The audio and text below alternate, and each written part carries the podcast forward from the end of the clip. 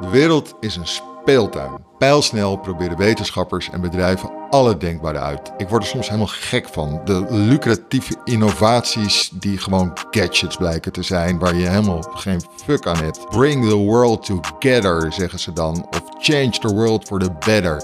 En dan gaat het weer over een stofzuiger met wifi of een telefoon die je ook op kan vouwen. Kunnen we het alsjeblieft over belangrijke dingen hebben, over wezenlijke zaken, over hoe we willen veranderen, hoe we willen worden? Daarover voeren we in deze podcast gesprekken met schrijvers, kunstenaars, denkers, wetenschappers, alle soorten mensen die onze toekomst nu vormgeven.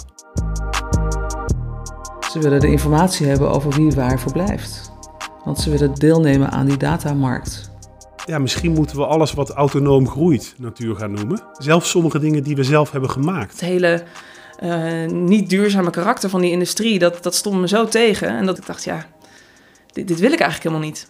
Ik vind dat het helemaal geen zin heeft om boeken te maken als je niet bereid bent om een andere visie te ontwikkelen dan degene die er is. Kans en tijd is iets waar je niet aan twijfelt. Maar je kunt dat niet beargumenteren dat het bestaat of zo via rationele argumenten.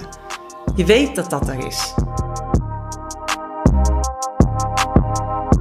Luister vanaf volgende week naar Mens, de nieuwe podcast van Vrij Nederland. Abonneer je via de bekende podcastkanalen of kijk op vm.nl/mens.